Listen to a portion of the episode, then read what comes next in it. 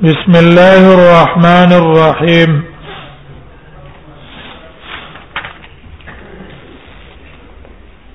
باب ما جاء ان من اذن فهو يقيم باب بیان د دې کې چې چا اذان وکړو فهو يقيم او هغه اقامت هم کوي دا مسله ابو داود کې مونږ تاسو ویلې و چې په دې باندې د ټول علما اتفاق ده چې چا اذان وکړو او بل یو تن اقامت وکړو نو دا جائز ده نه روانه ده صرف اختلاف په افضلیت کې ده آیا بهتر کما یو مسله ده د امام بن فرحم الله او د امام مالک مذهب دا دی چې الامر على التوسعه ولې کې امر په وسعت باندې دی اذان والا اذان کوي او که مقیمه کبل یو سره اقامت کوي په دې کې هیڅ ضرورت نشته او بشرط د دې چې دین څنګه پیدا کیږي ډېر اختلاف او فساد نه پیدا کیږي ځکه عوامو کې اکثر دینه فساد پیدا کیږي لکه ځان ما کړې قامت تک دا نور علما وايي چې نه چا اذان وکړو هغه د پاره قامت کول به تر دی دی استدلال نیولای په حدیث د حارث الصدائي وداو کوم تاسو یې ورد اذان وکړو بلال اراده او چې اقامت وکړي وی نبی صلی الله علیه وسلم تو فرمایل من اذن فهو یقیم وی چا چې اذان وکړو هغه به اقامت هم کوي دی وی ګور دي کې رسول الله صلی الله علیه وسلم یو قاعده کلیه کې خصلا من اذن فهو یقیم به یو قاعده کلیه ده نو دې قاعده کلیه د وجنا مسله به تر دا ده چې چا اذان کو به اقامتم کوي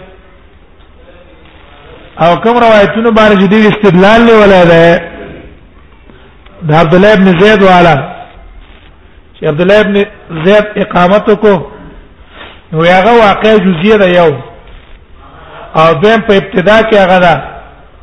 او حدیث د حارث سودایي رستنه ده نو دیو جن په دې باندې به عمل کیږي لیکن دا نور علما وی چې انصاف دار دی چې الامر على التوسعه کار په سبا نه دی او وسعت باندې دی ځکه دواړه طرف تر وایتونه زیدي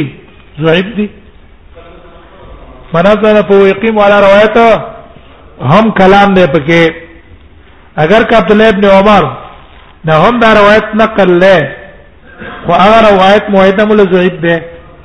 نو دیو جنا په ضعیف روایت باندې قاعده کلیه خو نه جوړیږي زیاد بن حارث الصدائی نے روایت ہے قال راوی امرنی رسول الله صلی الله علیه وسلم وی ما ته نبی صلی الله علیه وسلم حکم کو ان اوذن فی صلاه الفجر چې زه دې اذان کوم د سار مانځه نبی صلی الله علیه وسلم بلال پسې کسان اولېګل بلال نو نو دی حارث السدائی ته نبی سلام وی چې ته اذان وکړه او نبی سلام د امر زکه وکړو چې دا د خپل قوم مشر سره یو نو رسول الله صلی الله علیه وسلم د اکراما له د د اکرام د وجه نه ته چې ته اذان وکړه وی فاذنت نو ما اذان وکړو فاراد بلال ان يقيما نو اراده او ک بلال چې هغه قامت وکي د بلال اراده او د قامت فقال رسول الله صلی الله علیه وسلم فرمایل ان اخا صدا ان قد اذن یقینا اورور د صدا قبلی قد اذن د اذان کو ومن اذن فهو يقيم او څوک اذان وکي فهو يقيم او اقامت هم کوي وفي الباب عن ابن عمر او په دې باب کې د عبد الله ابن عمر نم روایت د قصې نقل له عبد الله ابن عمر روایت کې د قصې دی وي په سفر کې رسول الله صلی الله علیه وسلم سفر کیو یو سړي اذان کو اراده و د بلال چې قامت یو کو نبی صلی الله علیه وسلم بلال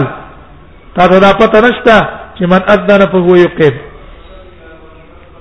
قال ابو سعيد حديث زياد انما نعرفه من حديث الافريقي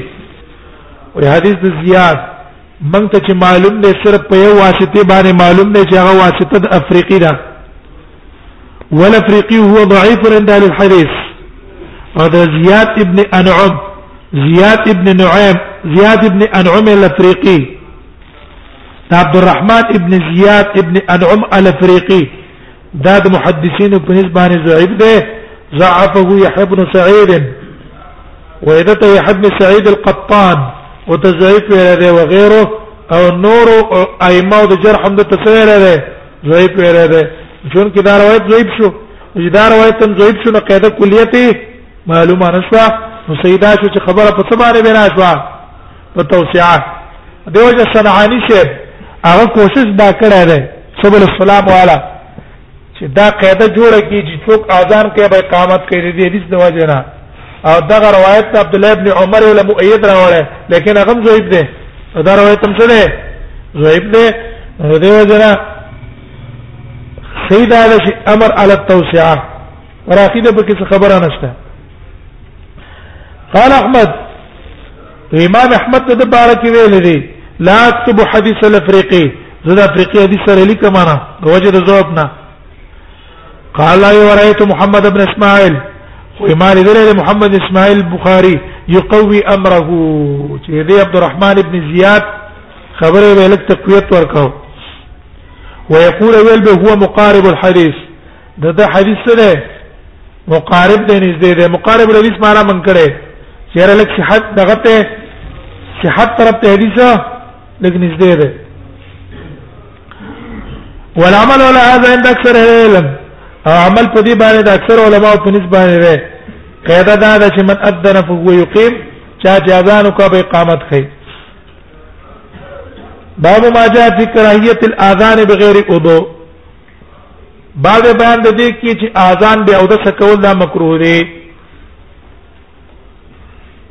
اذان په طهارت باندې بهتر دی او په دې او د سی باندې مکروه دی د اکثر علما قول دا دی چې اذان به او د جائز دی صرف د بعض شوافیو نه قول نقل لري چې مونږ بعد اذان باطل نه او طهارت د اذان لپاره شرط ده طهارت د اذان لپاره شرط ده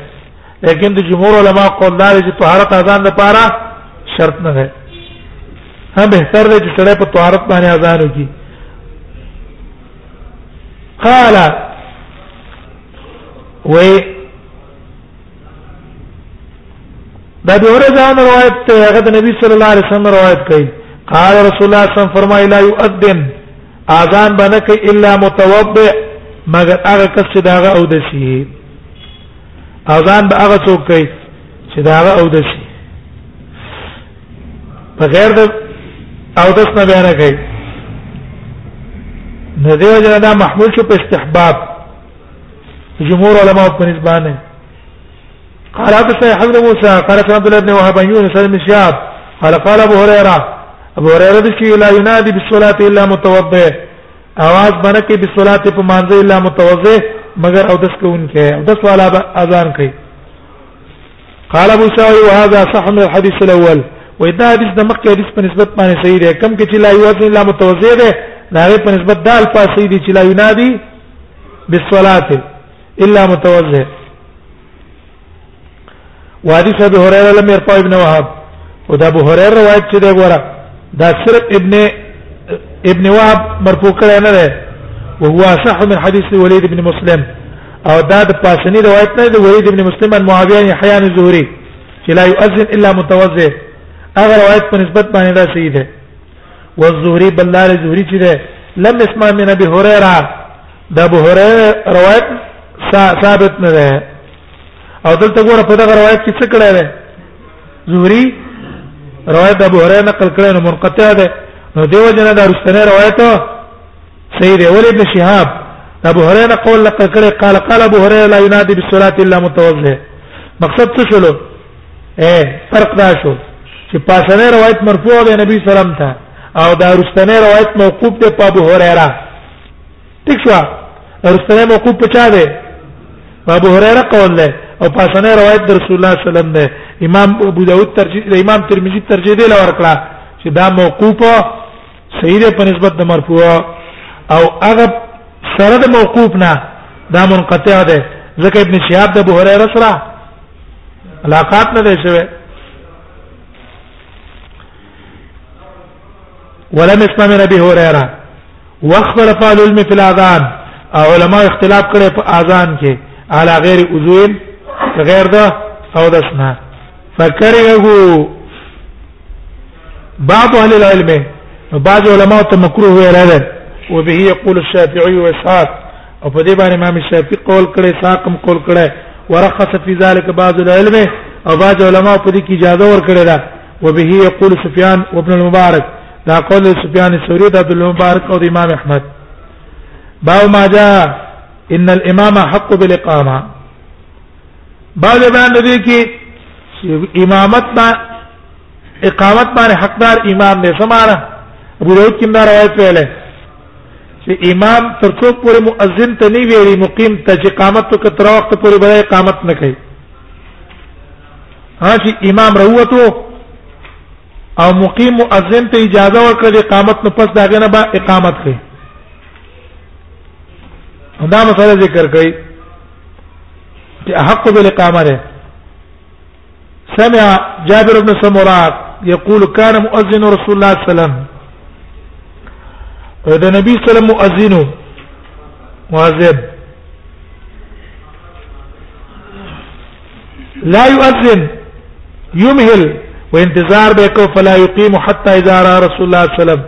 قامت بینه کو تر دې چې رسول الله صلی الله علیه وسلم به اولید لقد خرج چې راوته نه